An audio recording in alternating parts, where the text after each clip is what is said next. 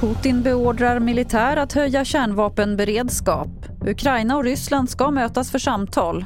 Och Sveriges regering ska ge besked om att hjälpa Ukraina med krigsmateriel. Det här är TV4-nyheterna med det senaste om kriget i Ukraina. Och vi börjar med uppgifter som kom för en stund sedan om att Rysslands president Vladimir Putin har beordrat den ryska militärens förband med kärnvapenkapacitet att höja beredskapen, det rapporterar AP. Vår reporter Jonas Källgren befinner sig på gränsen mellan Polen och Ukraina och han säger så här om Putins uttalande.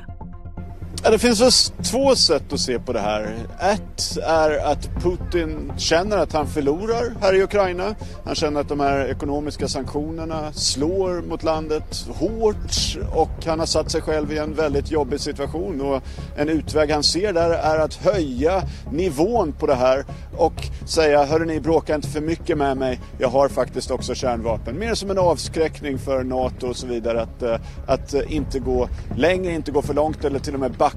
Så det är ju ett sätt att se på det, ett rationellt tänkande. Tyvärr finns det också det andra, det irrationella tänkandet. Att det faktiskt är så som många bedömare har sagt att Putin har till viss del tappat förståndet. Och det vet vi ju förstås inte hur det är med det.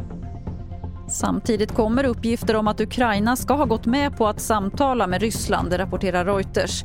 Ukrainas president säger att man ska ha ett förutsättningslöst möte med delegationer från båda länder och mötet ska hållas vid den ukrainsk-belarusiska gränsen. Uppgifterna har inte kommenterats från ryskt håll. Och idag ska regeringen ge besked om Sverige ska skicka krigsmateriel till Ukraina. Beskedet ska ges på en pressträff med statsminister Magdalena Andersson och försvarsminister Peter Hultqvist klockan 18. Och den kan man följa på tv4.se. TV4-nyheterna i studion Lotta Wall.